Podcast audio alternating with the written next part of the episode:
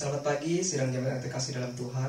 Sungguh bersyukur kita bisa ketemu kembali walaupun di rumah masing-masing. Kiranya Tuhan Yesus selalu menyertai kita.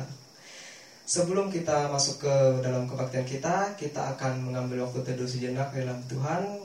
Sidang jemaat diharapkan mengambil waktu teduh.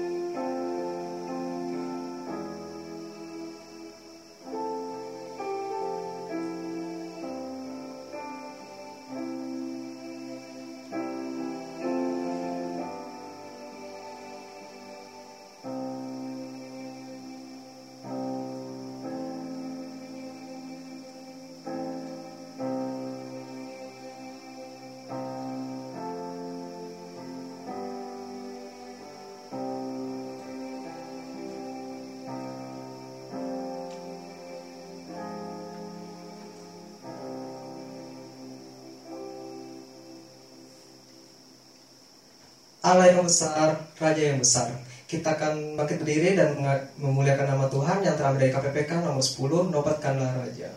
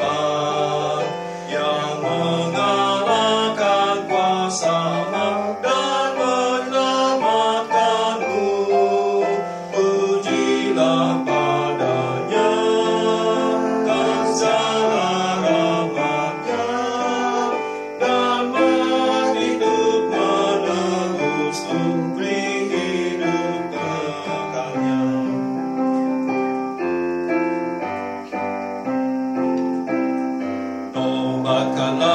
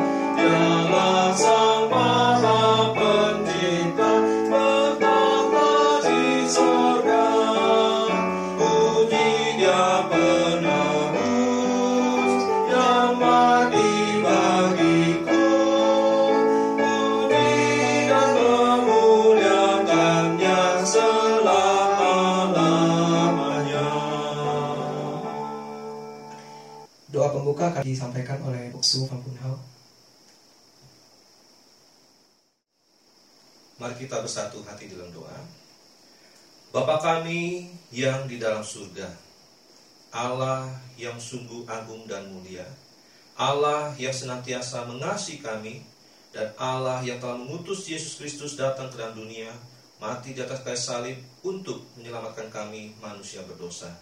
Allah yang juga senantiasa memelihara hidup kami hari demi hari, khususnya ketika kami melewati masa-masa kesulitan ini, kami bersyukur Tuhan kau tidak pernah meninggalkan kami. Pemeliharaan Tuhan sungguh nyata, berkat Tuhan melimpah dalam hidup kami. Baik ketika kami studi, baik ketika kami bekerja berusaha, baik ketika kami melakukan aktivitas ibadah dan kegiatan-kegiatan kami lainnya. Kami percaya bahwa dalam segala sesuatu Engkau turut bekerja untuk mendatangkan kebaikan bagi setiap kami yang mengasihi Tuhan. Oleh karena Bapa pada hari ini sebelum kami masuk lebih jauh dalam ibadah kami, kiranya Tuhan yang menilik hati setiap kami, mengampuni segala dosa, kesalahan, pelanggaran kami, sehingga apa yang kami lakukan pada hari ini boleh sungguh berkenan pada Tuhan dan tidak menjadi sebuah kekejian di hadapanmu. Terima kasih Bapa. Demikian juga kami berdoa untuk pekerjaan Tuhan melalui gereja tempat ini. Kiranya Tuhan juga terus pakai sehingga setiap jemaat Tuhan boleh terlayani dengan sebaik-baiknya. Setiap firman Tuhan boleh terus diberitakan dan juga banyak orang mengalami berkat-berkat Tuhan melalui pelayanan Tuhan di tempat ini. Dan kami doakan untuk situasi bangsa negara kami ke dalam Tuhan, yang Tuhan juga terus pimpin dan berkati sehingga kami boleh bangkit daripada persoalan yang ada sehingga kami boleh menjadi bangsa yang maju dan semakin mencintai Tuhan. Terima kasih Bapa, dengar doa kami. Hanya dalam nama Tuhan Yesus, Tuhan dan Juru Selamat kami hidup, kami bersyukur dan kami berdoa. Amin. Sidang jemaat dipersilakan duduk. Kita akan mengangkat kembali puji-pujian kita. Segala puji syukur. Segala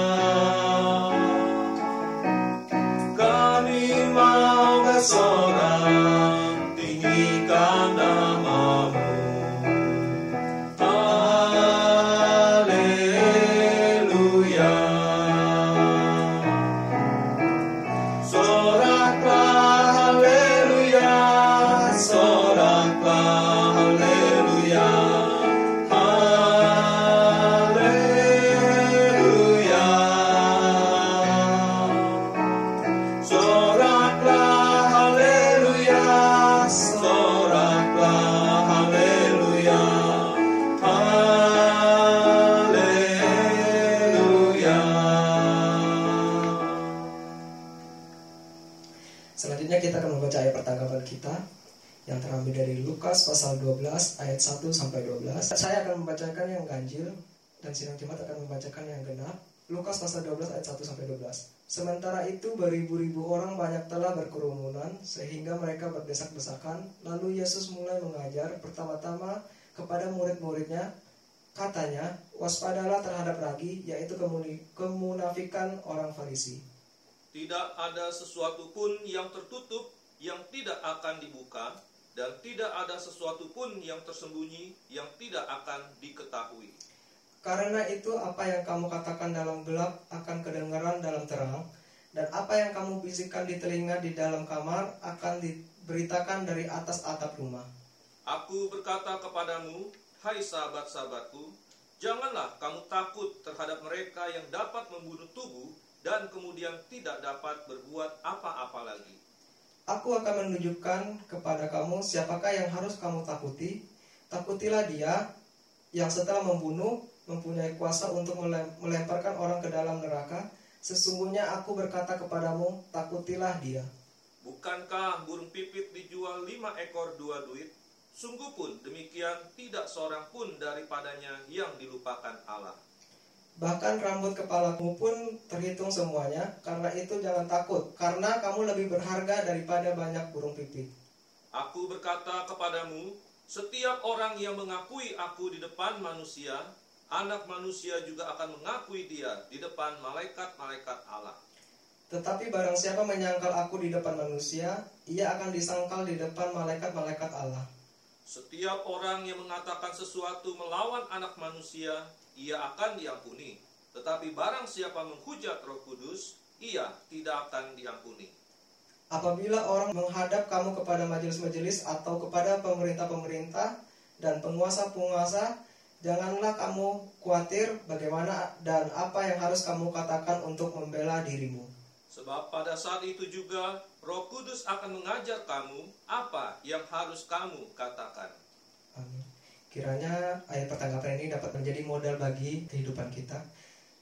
Sebelum kita mendengarkan firman Tuhan, kita akan mengangkat kembali pujian-pujian kita hanya dekat kasihmu Bapa.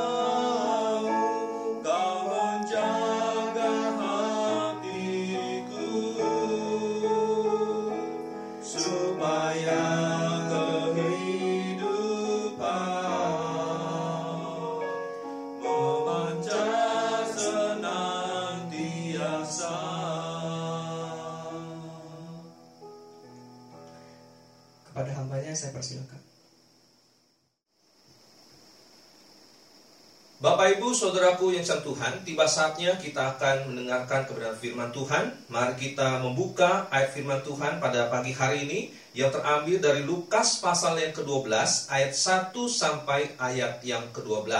Tadi kita sudah membacanya secara bertanggapan. Saya mengundang kita untuk membaca ayat 10 sekali lagi bersama-sama. Mari kita membacanya. Lukas pasal 12 ayat yang ke-10. Setiap orang yang mengatakan sesuatu melawan anak manusia, ia akan diampuni. Tetapi barang siapa menghujat Roh Kudus, ia tidak akan diampuni. Demikian firman Tuhan. Berbahagia setiap kita yang telah membaca, merenungkan, melakukan, serta membagikan firman Tuhan dalam hidup kita hari lepas hari. Amin. Mari kita berdoa sekali lagi minta pimpinan Tuhan. Bapa kami yang di dalam surga, kami ucap syukur untuk kebenaran firman Tuhan yang telah kami boleh buka dan kami baca.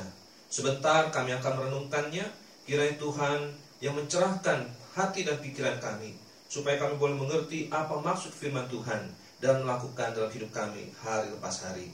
Terima kasih Bapa, dengar doa kami, hanya di dalam nama Tuhan Yesus, Tuhan dan Juru Selamat kami hidup, kami syukur dan kami berdoa. Amin.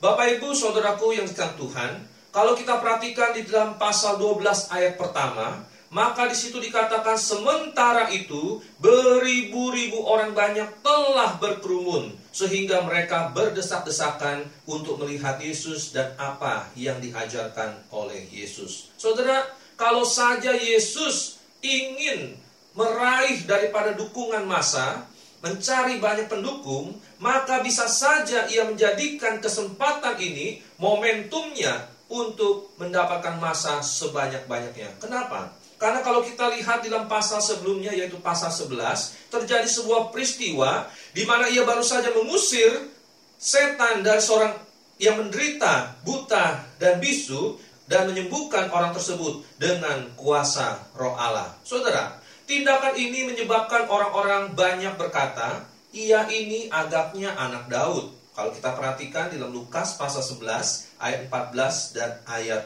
20. Demikian juga dalam Matius pasal 12 ayat yang ke-23. Nah, soal kasih Tuhan, tetapi pada waktu itu di situ ada ada orang-orang Farisi yang mengatakan sebuah perkataan yang menghujat Yesus di mana mereka mengatakan bahwa Yesus sesungguhnya mengusir setan bukan dengan kuasa roh Allah, tetapi dengan kuasa Beelzebub yaitu penghulu setan. Lukas pasal 11 ayat yang ke-15. Saudara, ini suatu hal yang aneh. Kenapa? Jikalau orang awam saja bisa menyadari bahwa apa yang dilakukan Yesus itu ada suatu hal yang tidak biasanya, suatu hal yang luar biasa. Bahkan mereka mengatakan ini agaknya, ia ini agaknya anak Daud. Maka orang-orang Farisi seharusnya lebih jelas lagi daripada orang awam tersebut. Bukan hanya agaknya lagi. Kenapa? Karena mereka tentu paham yang dikatakan di dalam Yesaya pasal 35 ayat 5 sampai 6 pasal 61 ayat 1 yang semuanya itu digenapi oleh pribadi Yesus yang menunjukkan bahwa dia adalah yang dinubuatkan itu yaitu Mesias yang akan datang. Saudara Tuhan, sebagaimana Yohanes Pembaptis pun ketika diteguhkan dari apa yang Tuhan katakan ketika satu kali Yohanes Pembaptis di penjara Kemudian dia mengutus beberapa muridnya untuk datang kepada Yesus untuk menanyakan, apakah engkau yang kami nantikan itu? Atau kami harus menantikan yang lain? Maka Yesus berkata, orang buta melihat, orang bisu mendengar, biarlah engkau tidak menolak akan anak manusia. Nah, saya Tuhan, maka jelas daripada nubuatan-nubuatan itu yang dilakukan oleh Tuhan Yesus, Yesuslah yang dimaksud di dalam nubuatan Yesaya. Tetapi orang Farisi sekali lagi, meskipun mereka tahu akan kebenaran firman Tuhan, tetapi mereka dengan sengaja mengaburkan pernyataan firman Tuhan itu dengan mengatakan Yesus mengusir akan setan itu dengan kuasa BL Sebub. Saudara yang kesan Tuhan, mereka lebih memilih untuk menghujat Roh Kudus, yaitu dengan mengatakan kuasa Roh Allah yang ada pada Yesus adalah kuasa Beelzebub, penghulu setan. Bukankah itu suatu penghujatan atau penghinaan yang sangat dalam kepada Tuhan? Saudara, maka di dalam Lukas pasal 11 ayat 37 sampai 54, Yesus mengecam orang Farisi dan ahli-ahli Taurat. Nah, Saudara, hal-hal ini bisa menjadi salah satu alasan di mana banyak orang berkerumun untuk melihat Yesus. Karena biasa uh, bagi masa yaitu ada saja orang-orang yang kepo maupun juga sungguh-sungguh mau mendengar kebenaran yang disampaikan oleh Yesus. Dan kalau kita perhatikan di dalam pasal yang ke-11 ayat yang ke-53 dan 54, maka di situ dikatakan setelah Yesus berangkat dari tempat itu, ahli-ahli Taurat dan orang-orang Farisi terus-menerus mengintai dan membanjirinya dengan rupa-rupa soal untuk itu mereka berusaha memancingnya supaya mereka dapat menangkapnya berdasarkan sesuatu yang diucapkannya. Tetapi apa tanggapan Yesus? Ternyata Yesus bukan mencari pendukung atau masa, tetapi Yesus lebih fokus kepada mengajar. Pertama-tama dia mengajar kepada murid-muridnya. Saudara kita akan melihat apa yang Tuhan Yesus ajarkan kepada murid-muridnya dari Lukas 12 ayat 1 12 yang telah kita baca tadi. Yang pertama adalah Tuhan Yesus mengajarkan kepada murid-murid agar mereka waspada terhadap ragi, yaitu kemunafikan daripada orang Farisi. Hal ini bisa kita lihat dari Lukas pasal 12 ayat 1 sampai ayatnya yang ketiga. Dijelaskan di situ yaitu yang bukan hanya mereka tidak memiliki integritas di dalam kebenaran, Artinya, orang Farisi meskipun tahu kebenaran, tetapi tidak hidup seturut dengan kebenaran itu. Sebab kalau mereka tahu kebenaran, maka seharusnya mereka juga mengetahui apa yang dilakukan Yesus adalah dari uh, adalah karena kuasa roh Allah dan mengaku Yesus sebagai Mesias yang dinanti-nantikan oleh mereka. Tetapi di sini terdapat suatu ketiadaan integritas di dalam kebenaran dalam kehidupan mereka. Bukan hanya itu, tapi orang Farisi juga memutar balikan kebenaran dengan mengatakan sesuatu yang melawan anak manusia. Kalau hanya sebatas sesuatu mengatakan sesuatu yang melawan anak manusia, maka firman Tuhan tadi di ayat 10 mengatakan itu masih bisa diampuni. Karena kalau kita melihat bagaimana telah banyak perbuatan-perbuatan orang yang begitu kejam, keji, jahat kepada Tuhan Yesus, tetapi Yesus di atas kayu salib masih berdoa dan mengampuni mereka. Ya Bapa, ampunilah mereka, sebab mereka tidak tahu apa yang mereka perbuat. Tetapi perkaranya adalah mereka bukan hanya melawan anak manusia, tetapi menghujat Roh Kudus demi kepentingan diri mereka sendiri yang dikuasai oleh kebencian, iri hati, dengki karena Tuhan Yesus dan pelayanannya yang begitu uh, diberkati dan banyak masa mengikutinya, maka mereka memutar balikan secara sadar kebenaran fakta yang sesungguhnya. Saudara yang kasih Tuhan, maka atas dasar ini Tuhan Yesus tidak ingin murid-muridnya sama seperti orang-orang Farisi sebagai murid-murid Yesus, maka kita harus menjadi orang-orang yang punya integritas di dalam kebenaran. Di mana ketika kita sudah mengetahui kebenaran, maka kita harus menghidupi kebenaran dan memberitakan kebenaran itu sehingga banyak orang di luar sana bisa memahami kebenaran sesungguhnya, yaitu bukan hanya ada di dalam ayat firman Tuhan, tetapi ada pada diri Yesus sendiri. Karena Yesuslah kebenaran itu yang sesungguhnya. Saudara yang kesan Tuhan, oleh karena itu Yesus mengajarkan kepada murid-muridnya supaya mereka hidup memiliki integritas di dalam kebenaran. Yang berikutnya, Tuhan Yesus juga mengajarkan kepada murid-murid agar mereka memiliki rasa takut yang benar.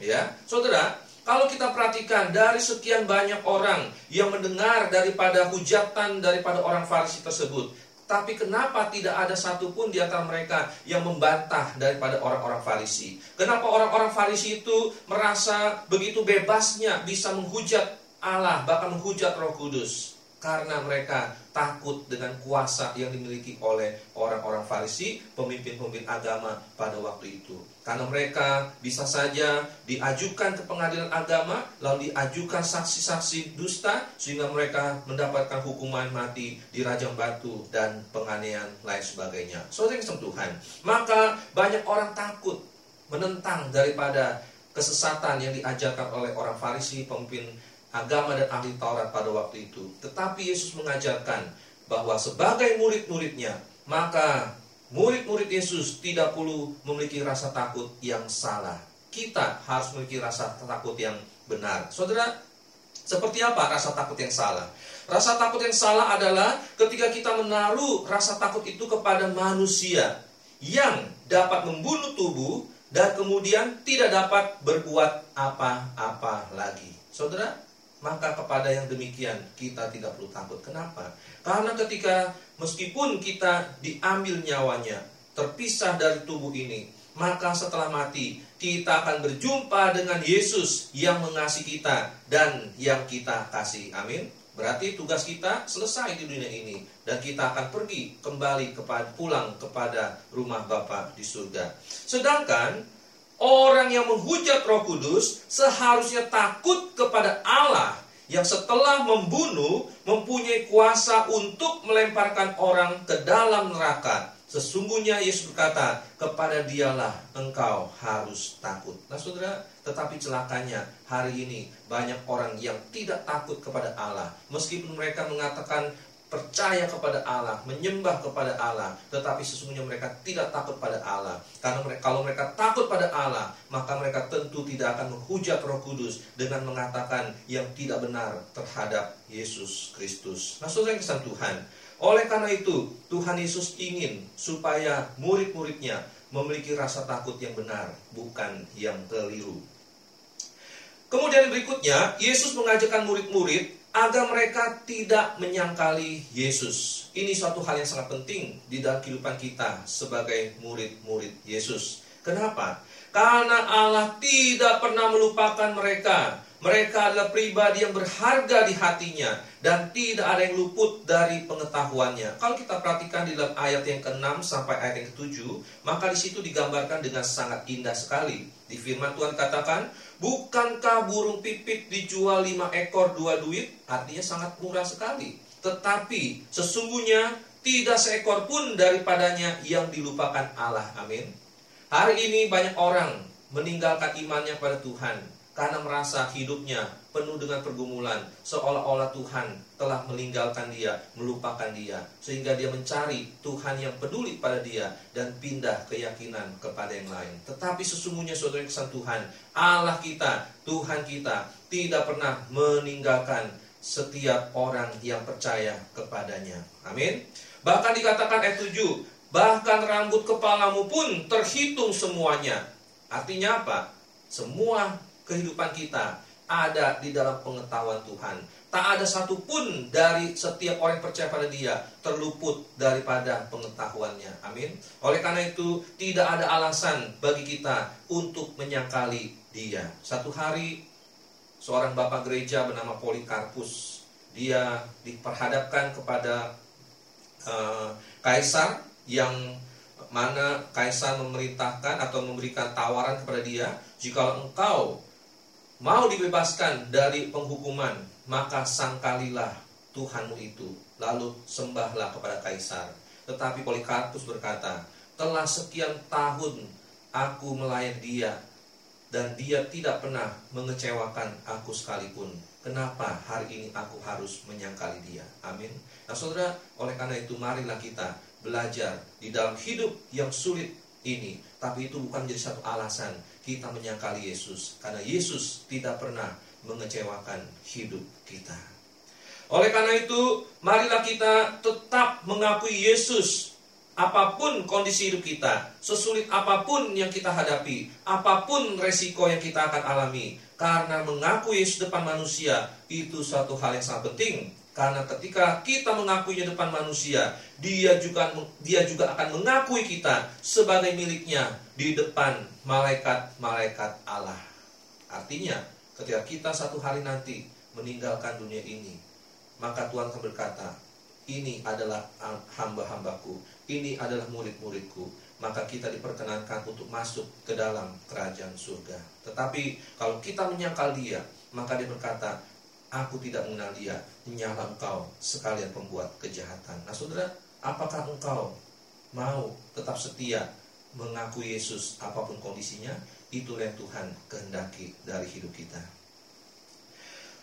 Janganlah kita menjadi orang-orang yang terbukti bahwa sesungguhnya belum diselamatkan.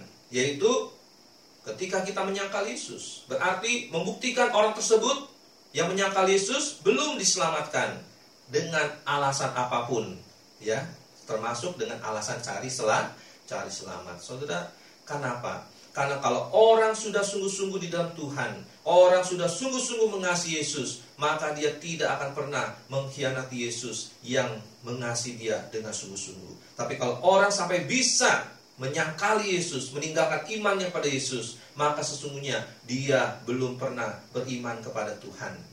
Dia belum termasuk orang-orang yang diselamatkan dan penyangkalan dirinya itu membuktikan bahwa selama ini dia belum merupakan orang yang percaya kepada Yesus. Mungkin dia hanya beragama Kristen dan mungkin itu juga hanya karena keturunan saja. Oleh karena itu, saudara Tuhan, kita tetap harus setia pada Tuhan, tidak menyangkali Dia meskipun dikriminalisasikan. Jangan khawatir, bagaimana dan apa yang harus kita katakan untuk membela diri. Sebab firman Tuhan katakan, pada waktu itu Roh Kudus akan mengajarkan kepada kita apa yang harus dikatakan.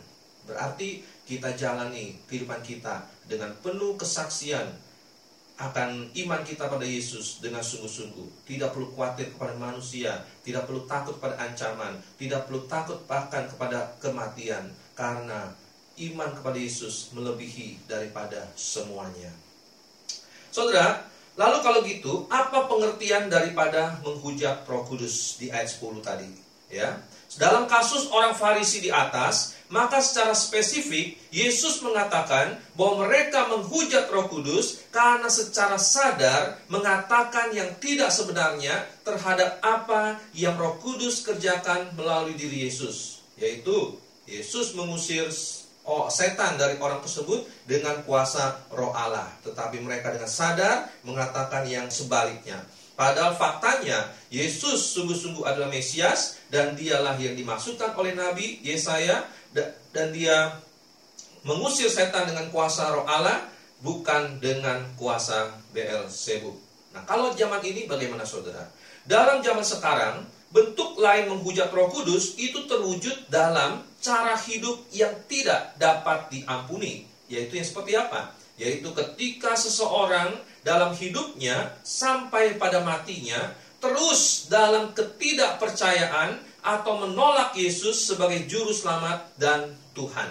Padahal kepadanya Roh Kudus telah berulang-ulang kali dengan berbagai macam cara dengan memakai banyak orang untuk menyampaikan kepada dia berita Injil bahwa keselamatan itu hanya ada di dalam Yesus, tetapi dia terus menolaknya sampai akhir hayatnya. Maka bagi orang tersebut tidak ada pengampunan yang bisa diberikan. Ibaratnya seperti orang yang sakit lalu mau diberikan obat, tetapi dia menolak obat yang bisa menyembuhkan penyakitnya. Nah, saudara yang Tuhan, Berarti menghujat Roh Kudus adalah sesuatu hal yang terus-menerus dilakukan oleh manusia sampai matinya. Menolak gerakan Roh Kudus yang mendorong seseorang untuk percaya pada Yesus Kristus dan itu adalah penghujatan yang tidak dapat diampuni. Karena orang itu sendiri yang menolak cara Allah untuk menyelamatkan dirinya. Kalau kita perhatikan di dalam ayat-ayat firman Tuhan banyak sekali dijelaskan bagaimana cara Allah mau menyelamatkan manusia tidak lain tidak bukan hanya melalui Yesus Kristus. Roh Kudus memberitakan kepada kita melalui hamba-hambanya, melalui firman-Nya, melalui uh, dorongan yang dia berikan dalam hati dan pengertian seseorang. Tapi kalau orang tersebut terus-menerus menolak, maka sampai akhir hidupnya, maka dia dikatakan menghujat Roh Kudus dan dia tidak akan mendapatkan keselamatan. Yohanes 3 ayat 16 berkata, Karena begitu besar kasih Allah akan dunia ini, sehingga ia telah mengutus anak yang tunggal, supaya barang siapa yang percaya padanya tidak binasa, melainkan beroleh hidup yang kekal. Amin. Bagaimana caranya seorang bisa diselamatkan, beroleh hidup yang kekal? Yaitu percaya di dalam anaknya. Yang kedua, Yohanes 14 ayat 6, Yesus berkata, Akulah jalan kebenaran dan hidup. Tidak ada seorang pun yang sampai kepada Bapa jikalau tidak melalui aku. Amin. Berarti kalau hanya satu jalan menuju kepada Bapa dan orang menolak untuk menerima jalan itu, maka tentu dia tidak akan diselamatkan. Kisah Rasul 4 ayat 12 di situ dikatakan, bahwa di bawah kolong langit ini tidak ada nama lain yang diberikan kepada manusia yang olehnya kita dapat diselamatkan hanya di dalam nama Yesus. Oleh karena itu, jikalau kita menolak Yesus yang diberitakan oleh Roh Kudus, maka kita menghujat Roh Kudus dan bagi orang tersebut tidak ada jalan keselamatan lain. Kemudian Roma 10 ayat 9 sampai 10 dikatakan, Sebab jika kamu mengaku dengan mulutmu bahwa Yesus adalah Tuhan dan percaya dalam hatimu bahwa Allah telah membangkitkan dia dari antara orang mati, maka kamu pun akan diselamatkan. Karena dengan hati orang percaya dan dibenarkan, dan dengan mulut orang mengaku dan diselamatkan. Oleh karena itulah setiap kali pembaptisan atau ada upacara baptisan kudus, maka sebelum seorang pendeta membaptiskan orang tersebut, maka pendeta itu akan mengkonfirmasikan bahwa apakah engkau mengaku percaya dan menerima Yesus sebagai juru selamat dan Tuhan pribadimu? Dan kalau dia mengatakan ya, saya percaya mengaku percaya menerima Yesus sebagai juru selamat dan Tuhan pribadinya, maka pendeta tersebut akan membaptiskan orang tersebut. Nah, Saudara, jadi pengakuan itu sangat penting. Tetapi kalau dengan mulut mengak, tidak mengakui akan keselamatan itu ada Yesus, maka bagaimana lagi cara lain lagi agar dia bisa diselamatkan? Tidak ada dan tidak bisa diselamatkan. Nah, saudara Tuhan, seseorang bisa menolak Roh Kudus apa pun caranya, baik dari yang keras dan juga dengan penuh kesopanan. Dan ini suatu hal yang sangat disayangkan. Banyak orang yang mungkin tidak menghujat Roh Kudus secara keras, tetapi dia mengeraskan hatinya dan menolaknya dengan penuh kesopanan. Itu pun menjadi satu dosa yang tidak bisa diampuni. Lalu bagaimana kasus orang Kristen yang pindah keyakinan? Apa pun alasannya perlu dicatat. Orang tersebut hanyalah pengikut agama Kristen, bukan orang yang ternyata sudah berada dalam Yesus. Dan jika sampai akhir hidupnya ia tetap menyangkal Yesus, maka ia termasuk menghujat Roh Kudus. Tetapi jika ia bertobat dan kembali, maka dosanya akan diampuni. Saudara, mungkinkah seseorang yang sudah di dalam Tuhan menghujat Roh Kudus? Maka jawabannya tidak mungkin. Kenapa? Karena jikalau dia sungguh-sungguh telah di dalam Yesus memiliki Roh Kudus sebagai meterai dirinya sebagai orang percaya yang sudah diselamatkan, tidak mungkin pada waktu yang sama dia juga mengatakan Yesus uh, bukan Tuhan, ya. Akan tetapi sebagai orang percaya kita dapat mendukakan Roh Kudus dan itu akan kita bahas pada kesempatan yang lain. Maka sebagai penutup renungan kita pada pagi hari ini, apa yang harus kita lakukan dalam menghadapi banyaknya orang-orang yang jangan sampai mereka jatuh kepada atau ke dalam dosa menghujat Roh Kudus. Yang bisa kita lakukan dari diri kita sebagai orang percaya adalah marilah kita menjadi murid-murid Yesus yang sungguh-sungguh hidup sesuai seturut dengan kebenaran firman Tuhan supaya orang-orang di luar sana yang belum mengerti kebenaran, mereka bisa melihat kebenaran itu yang kita hidupi di dalam hidup kita sebagai anak-anak Tuhan. Kisah Rasul pasal 2 ayat 42 di situ mengatakan bahwa orang-orang percaya yang telah menerima baptisan dan, dan percaya pada Yesus, mereka dikatakan mereka bertekun dalam pengajaran rasul-rasul. Mereka terus bertumbuh di dalam pengajaran benar. Mereka terus bertumbuh di dalam firman dan mereka menjalani hidup bukan hanya tahu firman tapi melakukan firman. Dan kita harus menghindari kehidupan yang munafik, kemunafikan atau ragi orang Farisi tadi. Kita harus meninggalkannya. Saudara, jangan sampai kita sebagai orang percaya kelihatannya begitu kudus di gereja, tetapi dalam kehidupan rumah tangga, dalam kehidupan studi, dalam kehidupan berbisnis, dalam kehidupan bermasyarakat, bertolak belakang dengan uh, diri kita sebagai orang percaya. Marilah kita jangan berlaku seperti demikian. Bertobatlah dan hiduplah sungguh-sungguh benar di hadapan Tuhan. Supaya apa? Supaya kebenaran yang kita percaya itu, pengharapan kita yang ada di dalam Yesus itu tidak dihujat orang. Kenapa? Karena sering kali orang banyak menolak Yesus, tetapi mereka kebanyakan tersandung oleh kehidupan orang-orang yang mengaku percaya kepada Yesus sebagai Tuhan dan Selamat. Bukan Injil kurang kuasa untuk menyelamatkan orang berdosa, tetapi orang-orang yang telah mengaku menerima Injil, hidupnya itu menjadi batu sandungan bagi orang lain.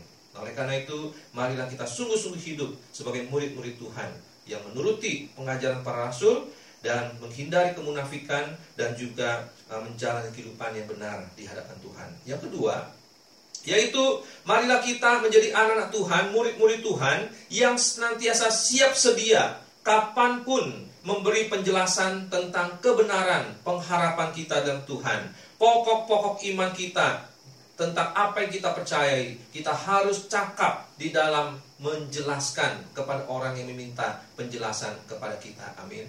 Nah, saudara, di sinilah letaknya. Seringkali banyak orang percaya hanya percaya pokoknya. Mengerti iman hanya mengerti asal pokoknya. Saudara, kalau kita mengerti asal pokoknya, mungkin bagi konsumsi pribadi kita itu tidak menjadi persoalan. Tetapi bagaimana dengan cara yang demikian, engkau dan saya bisa memberitakan atau menjelaskan kepada orang-orang yang ingin memahami tentang apa yang dipercayai oleh orang Kristen itu sesungguhnya. Maka kita harus belajar dengan sungguh-sungguh. Kita harus mencintai kebenaran. Kita harus mencintai firman Tuhan. Kita harus mencintai Eh, pengajaran-pengajaran benar, dasar-dasar iman. Ya, jadi jangan sampai kita menjadi orang Kristen yang menolak pengajaran tentang dasar-dasar iman yang ketika diberitakan tentang Allah, tentang dosa, tentang keselamatan, doktrin-doktrin, lalu berkata, ah kita dengar yang yang ringan-ringan saja, yang apa namanya, yang menyenangkan menyenangkan saja, yang menyegarkan menyegarkan saja. Saudara, kalau hanya sekedar kehidupan moral dan sebagainya, maka kekristenan tidak ada bedanya dengan keyakinan lain. Tetapi apa yang membedakan kekristenan dengan yang lain adalah pada pokok-pokok imannya, khususnya keselamatan di dalam Yesus Kristus. Nah, oleh karena itu, kita harus jadi anak-anak Tuhan yang memahami kebenaran dasar itu dan cakap menjelaskan kepada orang-orang yang menanyakan kepada kita. Nah, yang berikutnya, marilah kita giat mengerjakan amanat agung Tuhan, yaitu pergilah ke seluruh bumi, beritakan Injil, jadikanlah sekalian bangsa muridku. Kita dipanggil oleh Tuhan sekali lagi, bukan untuk mencari orang sebanyak-banyaknya, bukan mencari masa asal banyak masa saja, tetapi kita sebagai orang percaya ditugaskan oleh Tuhan untuk menjadikan sekalian bangsa murid Tuhan. Artinya mereka percaya menerima Yesus sebagai juru selamat dan pribadi bukan karena sekedar pokoknya, tetapi mereka memahami kenapa mereka percaya dan menerima Yesus sebagai juru selamat dan Tuhan pribadi. Dan ketika kita menyampaikan hal ini dengan sebaik-baiknya, kita kita menyampaikan kebenaran dengan sebaik-baiknya, maka ketika mereka sudah terbuka pikirannya, memahami apa yang sebenarnya Tuhan mau mereka pahami sebagai jalan menuju kepada keselamatan, maka tentulah mereka akan terbuka hatinya dan dijauhkan daripada perbuatan menghujat Roh Kudus. Amin. Oleh karena itu, marilah kita sebagai anak Tuhan turut serta terus-menerus di dalam memberitakan kebenaran supaya semakin banyak orang dihindarkan daripada perbuatan menghujat Roh Kudus. Saya percaya tugas ini tidak mudah, tetapi tugas inilah yang Tuhan percaya kepada kita maka kita harus menjalaninya khususnya ketika saat saat ini kita sedang dalam peringatan menantikan kedatangan Yesus yang kedua kali. Dia yang telah naik surga satu hari dia akan datang kembali. Maka marilah kita kerjakan tugas panggilan ini dengan sebaik-baiknya supaya semakin banyak orang tidak lagi menghujat Roh Kudus tetapi boleh mengaku percaya menerima Yesus sebagai juru selamat dan Tuhan pribadinya sebab Tuhan berkata setiap lutut akan bertelut semua lidah akan mengaku Yesus Kristus adalah Tuhan. Kiranya Tuhan memberkati firman-Nya. Amin. Mari kita tundukkan kepala kita mau berdoa. Bapa kami yang di dalam surga kami syukur kasih memiliki Yesus yang sungguh luar biasa. Tuhan yang mau datang ke dalam dunia mati di atas kayu salib untuk menyelamatkan kami manusia berdosa. Kami bersyukur karena sebagai anak Tuhan kami boleh mengenal Engkau dengan benar. Dan kami bersyukur untuk peran Roh Kudus yang senantiasa memberikan bimbingan, arahan kepada kami dan menjelaskan kepada kami tentang pentingnya hidup di dalam Yesus, percaya pada Yesus sebagai Tuhan dan Juru. Tapi kami juga mau berdoa Bapa, masih banyak orang di luar sana yang belum mengenal akan kebenaran, keselamatan di dalam Yesus. Bahkan ada yang secara sadar menghujat daripada Roh Kudus sehingga mereka terancam terhadap dosa yang tidak dapat diampuni. Tapi kami tidak ingin satupun di antara mereka binasa Bapa. Kami ingin supaya mereka semua boleh terbuka hatinya dan boleh mengenal Yesus kebenaran sebagai juru selamat dan Tuhan pribadi kita. Oleh karena itu, biar Tuhan boleh pakai hidup kami menjadi murid-murid yang sesungguhnya, menjadi murid yang melakukan firman Tuhan dalam hidup, yang hidup di dalam keintegritasan yang benar, sehingga ketika orang melihat hidup kami, mereka tidak tersandung, tetapi mereka justru menyukai kehidupan sebagai orang percaya dan boleh mengenal, belajar siapa Yesus yang sesungguhnya. Dan biarlah Tuhan tolong supaya makin hari makin banyak orang yang terbukakan pemahaman pikirannya sehingga mereka akhirnya terhindarkan dari dosa menghujat Roh Kudus ini. Terima kasih Bapa, dengar doa kami. Hanya di dalam nama Tuhan Yesus, Tuhan dan Juru Selamat kami hidup. Kami syukur dan kami berdoa. Amin. Terima kasih kepada hambanya yang telah menyampaikan firman Tuhan. Tuhan Yesus memberkati. Selanjutnya kita akan mengangkat kembali pujian-pujian kita yang terambil dari KPPK 140 Kidung Roh Kudus.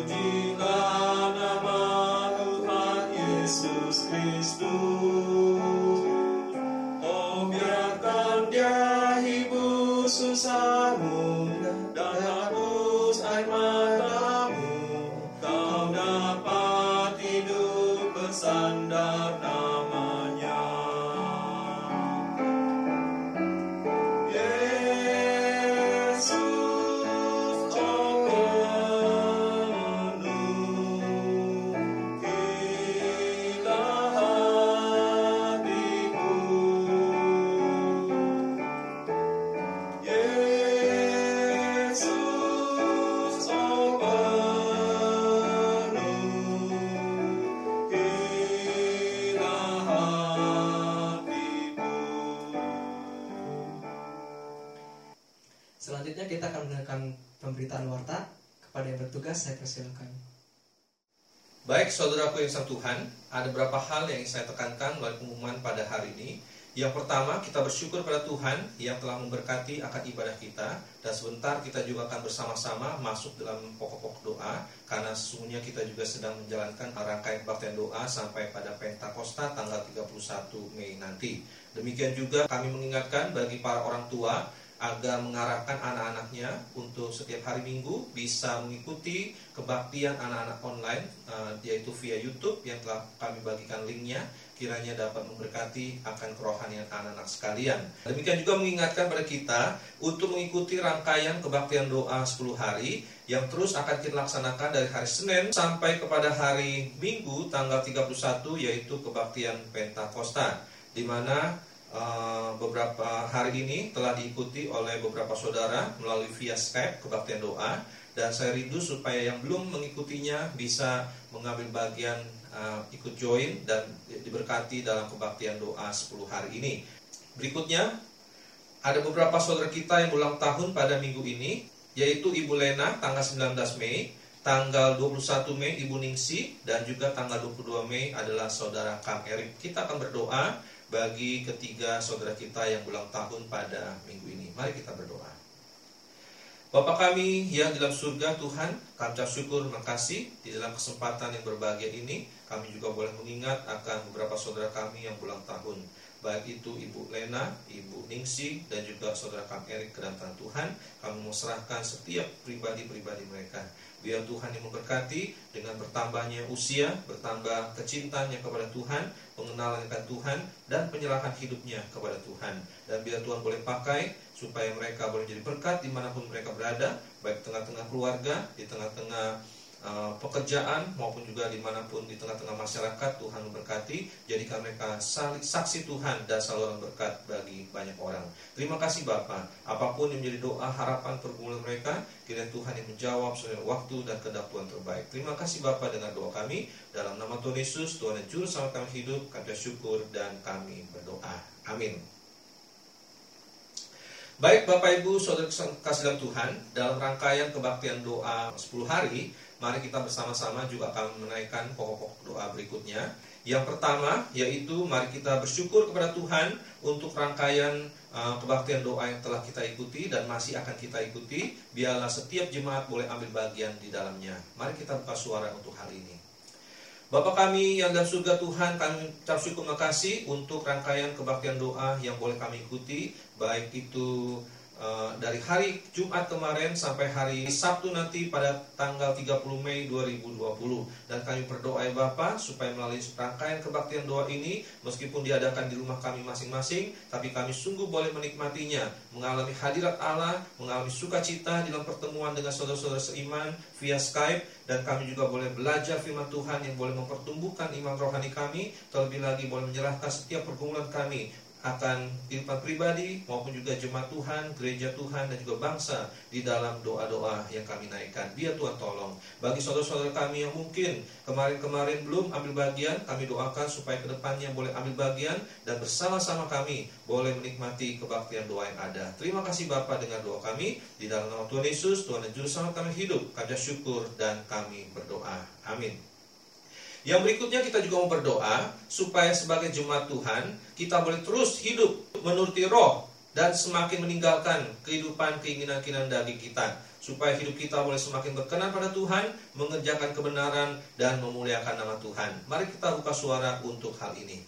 Bapak kami yang dalam surga Tuhan, pada saat ini kami juga mau berdoa. Biarlah semakin hari sebagai anak Tuhan, ketika kami boleh mengenal Yesus sebagai Tuhan yang selamat, kami boleh hidup di dalam kebenaran, kami mau belajar untuk terus taat kepada Tuhan dan meninggalkan akan kehidupan kami di dalam daging dan mengenakan uh, manusia baru yaitu hidup dalam roh yang berkenan kepada Tuhan. Dan biarlah Tuhan yang tolong sehingga kami boleh mengalahkan kedagingan kami dan hidup taat kepada Tuhan baik di dalam kehidupan pikiran kami, dalam perasaan kami, dalam perbuatan sikap tingkah laku kami. Dan biarlah hidup kami tersebut yang boleh berbuah, memuliakan Tuhan, dan menjadi berkat yang disukai oleh banyak orang, baik dari keluarga kami maupun juga masyarakat di sekitar. Terima kasih Bapak, dengar doa kami, hanya di dalam nama Tuhan Yesus, Tuhan dan Juru Selamat kami hidup, kami syukur dan kami berdoa. Amin. Yang berikutnya kita juga mau berdoa bagi saudara-saudara kita yang mungkin saat saat ini sedang dalam keadaan lemah tubuh, kiranya Tuhan juga terus memberkati sehingga boleh dipulihkan dan kita juga dihindarkan daripada terpapar virus COVID-19 dan kita boleh dengan tubuh yang sehat dapat melakukan aktivitas terutama juga dalam beribadah kepada Tuhan. Mari kita buka suara untuk hal ini.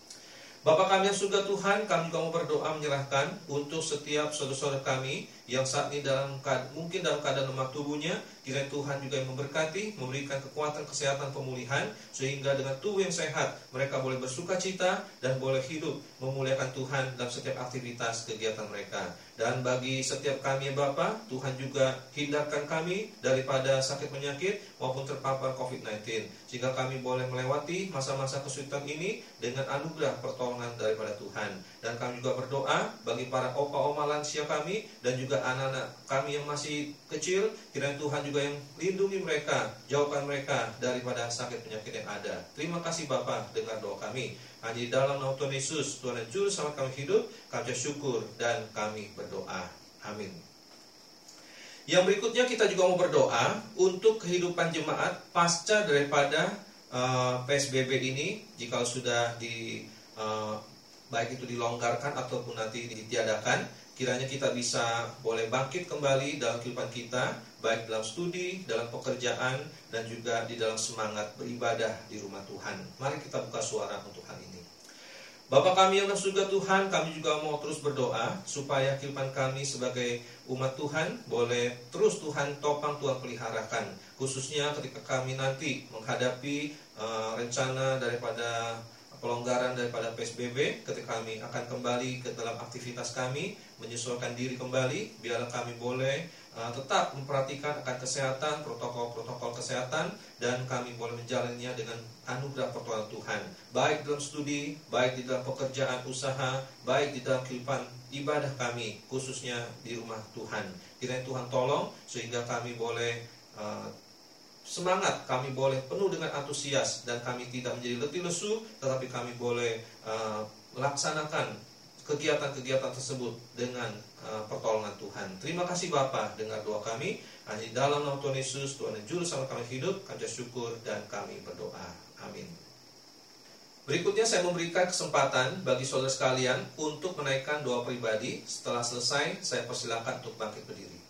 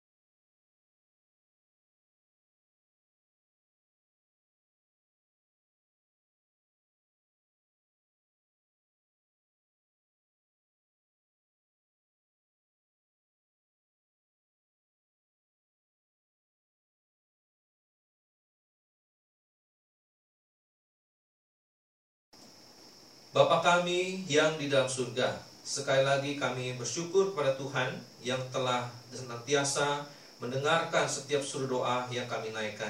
Kiranya apa yang telah kami sampaikan boleh Tuhan jawab sesuai waktu dan kehendak Tuhan terbaik.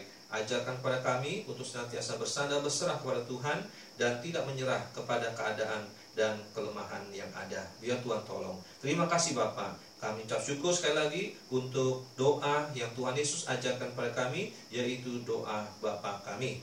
Bapa kami yang di surga, dikuduskanlah namamu, datanglah kerajaanmu, jadilah kehendakmu di bumi seperti surga.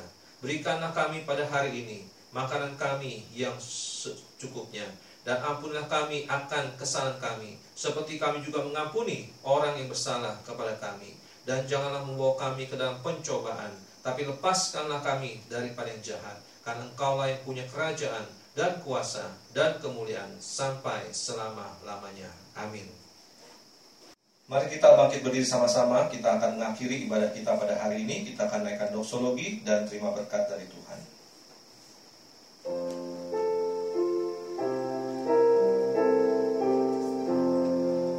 Bagi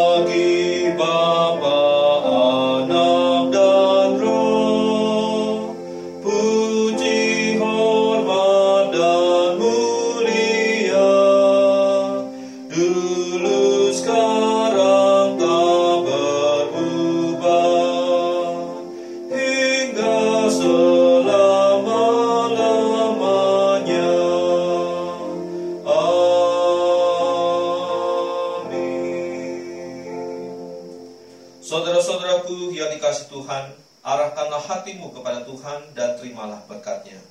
Kiranya damai sejahtera dari Tuhan kita, Yesus Kristus, kasih Allah Bapa, persekutuan pelayan roh kudus menyertai saudara sekalian, mulai dari hari ini sampai Tuhan Yesus datang dua kali, bahkan sampai selama-lamanya. Amin. Silakan duduk saat teduh. Tuhan Yesus memberkati kita sekalian. Amin.